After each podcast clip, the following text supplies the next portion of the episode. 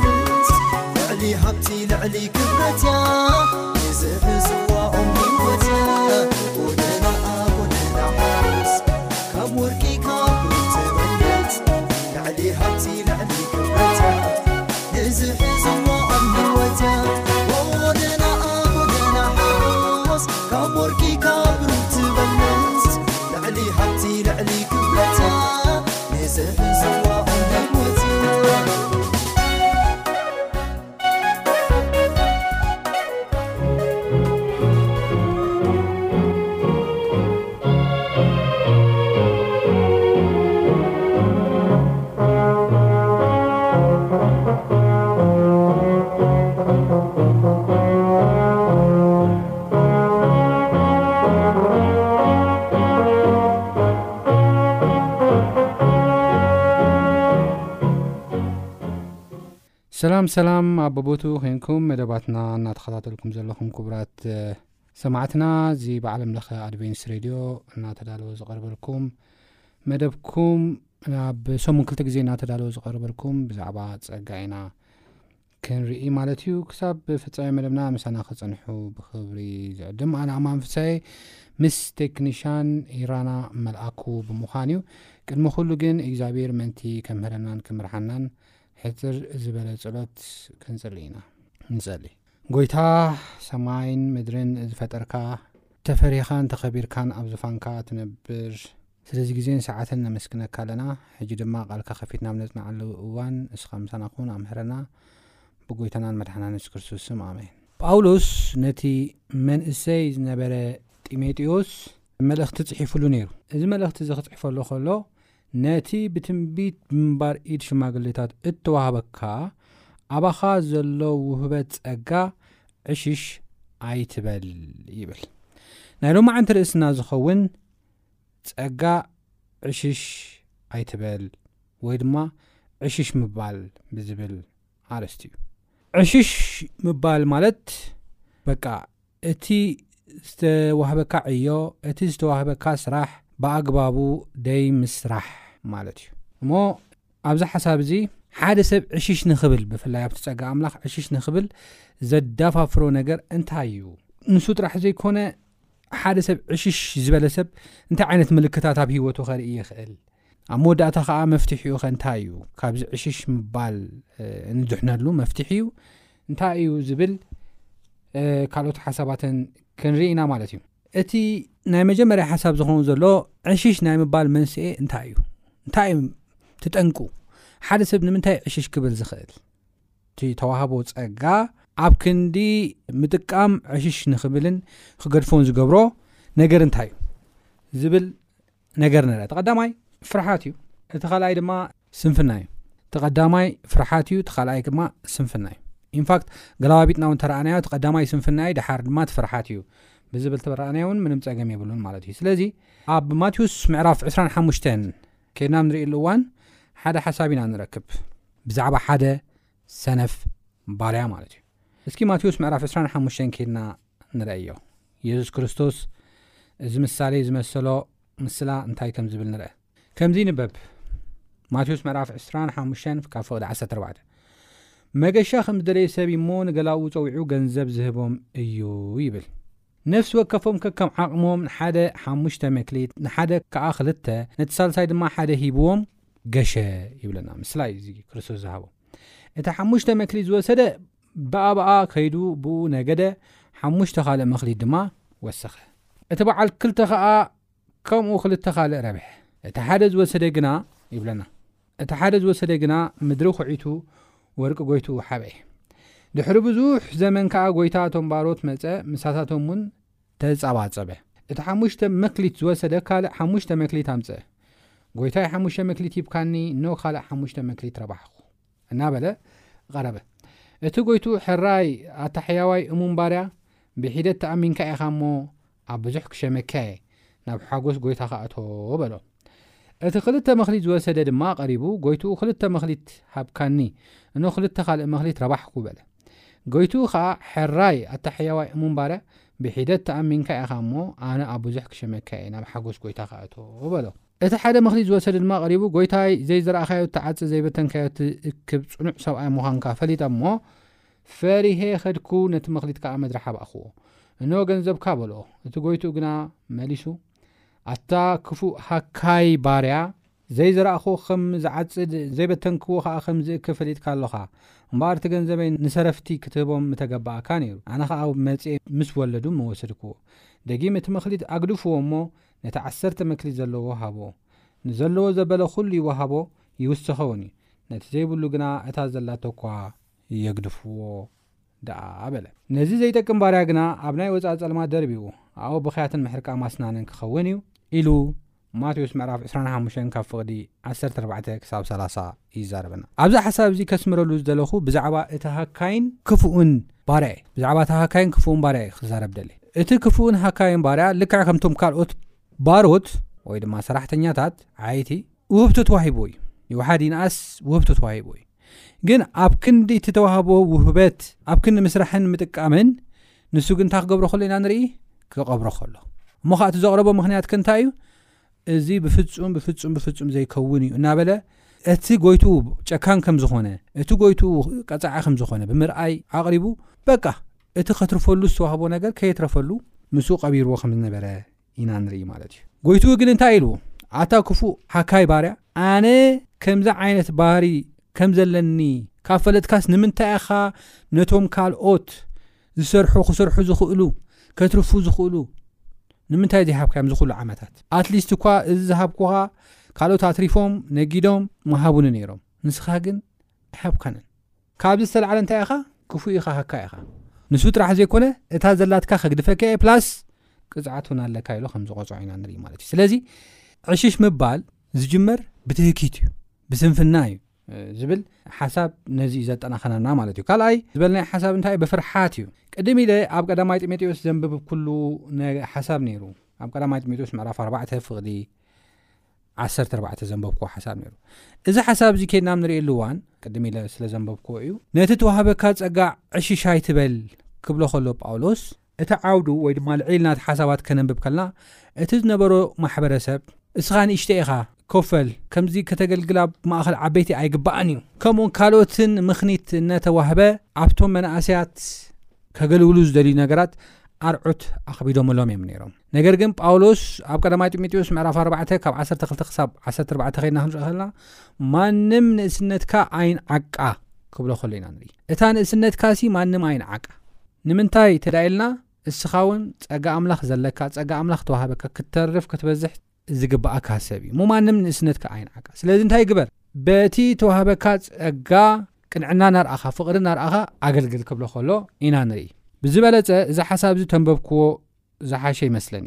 ነቶም ኣመንቲ ብቓል፣ በካይዳ፣ ብፍቕሪ፣ ብእምነት፣ ብንጽና ኣርኣያ ኩኖም እምበር ነታ ንእስነትካስ ሓደ እኳ ኣይንዓቃ ይብለና። ስለዚ ነቶም ኣመንቲ እንታይ ግበር? በካይዳ፣ ብፍቕሪ፣ ብእምነት፣ ብንጽና ኣርኣያ ኩኖም እምበር ነታ ንእስነትካ ሓደ እኳ ኣይንዓቃ።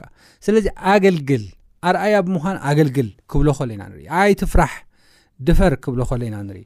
ቀጺሉ ኣነ ክሳዕ ዝመጽእ ከኣ ንምንባብ፣ ምምዓድን ምምሃርን ኣቕልብ።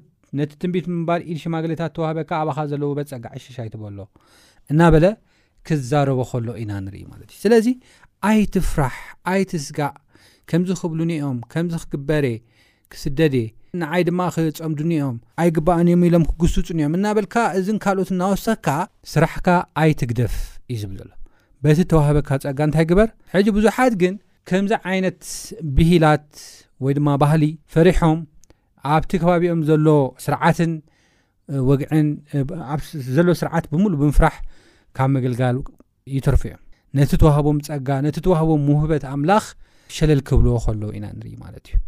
ኣነ እሞ እኮ ስፍራ የብለይን ኣንዳ ኣመን ክርእየኒ ምናልባት ናይ ጢሞቴዎስ ንእሽተይ ክኸውን ይኽእል ሓደሓደ ግን ወኣንዳ እንታይ ትምህርቲ ኣለኒ ዓቢ ጸጋ ክህልዎም እኮ ክእል እዩ ኣንዳ ዲግሪ ዘይብለይ ማስትሬት እኳ ደይብለይ ከምቶም ምሁራት እኮ ምሁራት ዘይኮንኩ እናበሉ ነቲ ጸጋ ሸለል ክብልዎ ይኽእሉ እዮም ማለት እዩ እምበኣር እዚ ዓይነት መንስኤ ወይ ድማ እዚ ዓይነት ምኽንያት እንተ ደኣ ሃልይዎ ንስንፍና እቲ ናይ ስንፍና ምልክት እንታይ እዩ ብኸመይ ኢና ክንዕዘቦ ወይ ድማ ክንሪኦ ንኽእል ዝብል ሓሳብ ድማ ክርኢ ይደሊ እቲ ቀዳማይ ሓደ ሰነፍ ሰብ ወይ ድማ ሓደ ነቲ ዝተዋህቦ ውበ ጸጋ ዕሽሽ ዝበለ ሰብ ኣብ ህይወቱ ዝረኣይ ምልክታት እቲ ሓደ ንናይ እግዚኣብሄር ኣገልግሎት ከም ሸኽሚ ገይሩ እዩ ዝቖጽር እቲ ዋና ምልክታት ማለት እዩ መቸም ኩሉ ሕማማት ምልክት ኣለዎ ኩሉ ሕማማት ምልክት ኣለዎ ንኣብነት ሓደ ሓደ ሕማማት ረስኒ ምልክት ኣለዎም ሓደ ሓደ ሕማማት ድማ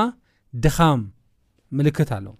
ሓደ ሓደ ሕማማት ድማ ናይ ምስዓል ምልክት ኣለዎም እሞ እዚን ካልኦት ምልክታትን ኣለዎ። ስለዚ እዚ መንፈሳዊ ሕማም ዝሓመመ ወይ ድማ ነቲ ዝተዋሃቦ ጸጋ በዝን ብካልኦት ምክንያትን ዕሽሽ ዝበለ ሰብ ኣብ ህይወቱ ዝረኣይ ምልክት እቲ ቀዳማይን ዋነኛን ንናይ እግዚኣብሄር ኣገልግሎት ከም ሸክሚ ገይሩ እዩ ዝቆጽሮ ማለት እዩ።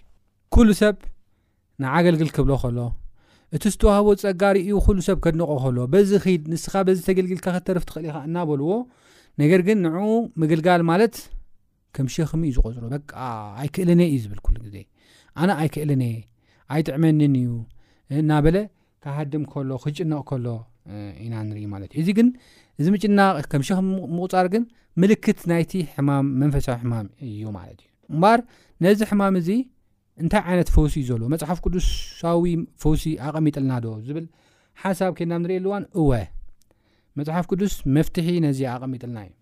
ናይዚ መፍትሒ እቲ ቀዳማይ እሙንነት እዩ። ሓደ ሰብ እሙን ክኸውን ክኽእል ኣለዎ። ካልኣይ በቃ ትጉህን ቅንኣት ዘለዎ ክኸውን ክኸእል ኣለዎ። ቅድም ኢለ ብዘንበብክዎ ጥቕሲ ሓደ ሰብ ብእሙንነትን ብትግሃትን ብዓቢ ምንቕቓሕ ውሽጡ ብዓቢ ጽምኣትን ከገልግል ከሎ እግዝኣብሄር ዝብሎ ነገር ኣሎ። ቅድም ኢልና ብዘንበብናዮ ማቴዎስ ምዕራፍ ዕስራን ሓሙሽተን ካብ ዓሰርተ ኣርባዕተ ክሳብ ሰላሳ ዘንበብናዮ ሓሳብ እቲ ጎይታ እንታይ ኢልዎ ነቶም ሓሙሽተ ተዋሂብዎም ሓሙሽተ ኣትሪፎም ብእሙንነት እቲ ዝሰርሕዎ ንጎይታ ዘረከቡ ጎይታ እንታይ እዩ ዝብሎም ኣታ ሕያዋይ እሙን ባርያ እዩ ዝብሎም ክጽውዖም ከሎ ብሒደት ተኣሚንካ ኢኻ እሞ ኣብ ብዙሕ ክሸመካ እየ ናብ ሓጎስ ጎይታኻ እቶ እዩ ዝብሎም ኣታ ሕያዋይ እሙን ባርያ ክብሎም ከሎ ኢና ንርኢ ስለዚ ንሕና ብእሙንነትን ብትግሃትን ከምኡውን ብዓብዪ ቅንኣትን ንምግልጋል ክንለዓል ከለና ካብ ጎይታ ዝወሃበና ስያመ ካብ ጎይታ ዝወሃበና ሕይወት ሓጎስ ዓቢ'ዩ መዳርግቲ ውን የብሉን ዝብል ሓሳብ የንጸባርቐልና ማለት እዩ። ኣብ ቀዳማይ ጴጥሮስ ምዕራፍ ኣርባዕተ ቁጽሪ ዓሰርተ ክሳብ ዓሰርተ ሓደ ከምዚ ዝብል ሓሳብ ኣሎ ብዛዕባ እሙንነት ማለት እዩ ቅድም ኢለ ዝተዛረብክዎ ነገር ነፍሲ ወከፍ ከምቲ ተቐበሎ ውህበት ጸጋ ከም ሕያዎት መገብቲ ናይ ብዙሕ ዓይነት ጸጋ ኣምላኽ ነንሕድኩም ኣገልግሉ ዝነግር እንተ ዀነ፣ ከም ቃል ኣምላኽ ገይሩ ይንገር። ዘገልግል እንተ ዀነ እውን፣ ከምቲ ኣምላኽ ዝሃቦ ሓይሊ ገይሩ የገልግል። ኣምላኽ ብየሱስ ክርስቶስ ብዅሉ ምእንቲ ኪኸበር፣ ንእኡ ኽብርን ስልጣንን ንዘለኣለም ኣለም ይኹኖ ይብል። ስለዚ የገልግል፣ Faithfully፣ ብእሙንነት እንታይ ይግበር? የገልግል። ቃል ኣምላኽ ዝነግር እንተ ዀይኑ ኸኣ ይንገር፣ Faithfully። ብእሙንነት ከይሸፈጠ ብእሙንነት እንታይ ይግበር ይንገር ክብል ከሎ ኣገልግሎቱ ይፈጽም ክብለና ከሎ ኢና ንርኢ ስለዚ እሙንነት ሓደ ናይ ውህበ ጸጋ ኣምላኽ ዕሽሽ ምባል መፍትሒ እዩ ዝብል እምነት እዩ ዘለኒ ካብዚ ብተወሳኺ ኣብ ሮሜ ምዕራፍ 12 ፍቕድ ዓሰርተ ሓደ ከም ዝብል ሓሳብ ንረክብ። ንምትካህ ኣይትተሃከዩ ይብለና። እቲ ቀዳማይ እሙንነት ኢለ ነይረ፣ እቲ ካልኣይ ከኣ ትግሃት ኢለ ነይረ። ንምትካህ ኣይትተሃከዩ፣ ብመንፈስ ተቓጸሉ፣ ንእግዚኣብሄር ኣገልግሉ ይብል። ኣብዛ ሓሳብ እዚኣ ሰለስቲኤን ተገሊጸን ኣለዋ፣ እዘን መፍትሒ እየን እዚኤን ሰለስቲኤን። ንውህበት ጸጋ ኣምላኽ ዕሽሽ ምባል ዘውህቦ መፍትሒ እየን እዘን ሰለስተ። እቲ ቀዳማይ ንእግዚኣብሔር ኣገልግሉ ትብል ኣብ ቀዳማይ ጴጥሮስ ምዕራፍ ኣርባዕተ ፍቕዲ ዓሰርተ ኣንቢብናያ ኢና። እሙንነት ማለት እዩ። እታ ካልኣይ ድማ እንታይ እያ? ንምትጋህ ኣይትተሃክ እዩ። ትግሃት እዩ። እቲ ሳልሳይ ድማ ብመንፈስ ተቓጸሉ፣ ውሽጥኹም ብቕንኣት ይቃጸል እናበለ ኽገልጸልና ከሎ እዩ ዝነግረና ማለት እዩ። በዚ መልክዕ እዚ ከምዚ ዓይነት መፍትሒ ቃል ኣምላኽ ከም ዝህበና ይነግረና ማለት እዩ። እዚ ዓይነት መፍትሒ ድማ ነቲ ኣብ ህይወትና ዝረኣ ስንፍና፣ ፍርሓት፣ ኩሉ ከወግድን መፍትሒ ድማ ክህበናን ይኸእል እዩ። ቅድሚ ምውደኢይ እምበኣር ንሕና ኣበይ ኩነታት ኢና ዘለና ኢልና ኩሉ ግዜ ርእስና ክንፍትሽ ይግባእ ይግባእና እዩ። መጽሓፍ ቅዱስ እውን ኩሉ ግዜ ርእስና ክንምርምር ይነግረና እዩ እሞ ርእስና እንምርምረሎም ሕቶታት ሓቲተ መደበይ ክውድእ። ተቐዳማይ ውህበት ጸጋ ኣምላኽ ዕሽሽ ዝበልክዎ ወይ ድማ ዝበልክሉ ኩነታት ኣብ ህይወተይዶ ይህሉ ይኸውን ኢልና ርእስና ክንምርምር ክንክእል ኣለና። ምኽንያቱ እንተ ደይሜርሚርና ናብዚ መፍትሒ እዚ ክንመጽእ ኣይንኽእልና። ሓደ ሰብ መጀመርያ ናብ መፍትሒ ወይ ድማ ናብ ምፍዋስ ክኸይድ ዝኽእል እቲ ሕማሙ ክፈልጦ ከሎ እዩ ወይ ድማ ከም ዝሓመመ ክርድኦ ከሎ እዩ። ሓሚሙ ከሎ ግን ኣነ ኣይሓመምኩን፣ ደሓንየ፣ ጥዑይየ ኢሉ ንርእሱ ዝእምና እንተ ደኣ ኮይኑ ናብቲ መፍትሒ ክኸይድ ኣይክእልን እዩ። ናብቲ ፈውሲ ክኸይድ ኣይክእልን እዩ።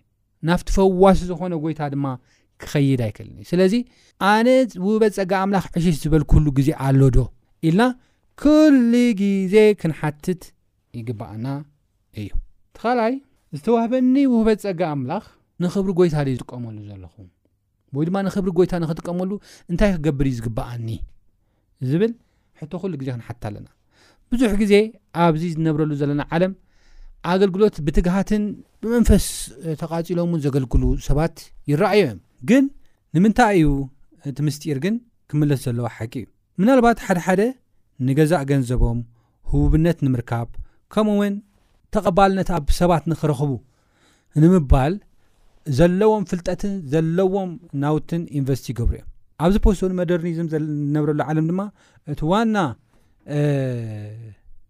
ፀገም ናይ ሰብ እንታይ እዩ በቃ ህቡብነት ምርካብ ህቡብ ምዃን በቃ ኩሉ ሰብ ኣቤት ኣቤት ኣቤት ኢሉ ብኣኻ ክግረም ክድነቕ ምእንቲ ዘለካ ፍልጠት ዘለካ ኢንቨስትመንት ኩሉ ክትገብር ትኽእል ኢኻ ስለዚ ንሕና ክንሓቶ ዘለና ግን ኣነ ዘገልግሎ ዘለኹ ወይ ድማ ከገልግሎ ዝግብኣኒ ንኽብሪ ጎይታ ክገብር ዝኽእል ብኸመይ እዩ ኢልና ክንሓትት ክንከል ኣለና ኣብ መወዳእታ ክንሓቶ ዘለና ሓሳብ ውህበት ጸጋ ኣምላኽ ካልኦት ዕሽሽ ንኸይብሉ ብኸመይ እዩ ክሕግዞም ዝኽእል ብኸመይ እዩ ክሕግዞም ክነግሮም ዝኽእል ዝብል ክንሓስብን ርእስና ክንምርምርን ይግበኣና እዚ ክንገብር እምበኣር እግዚኣብሔር ጸጉኡ የብዝሓልና ኣብ ዝቕጽል ብኻልእ ክሳብ ንራኸብ ሰላም ኩኑ እግዚኣብሔር ይባርኽኩም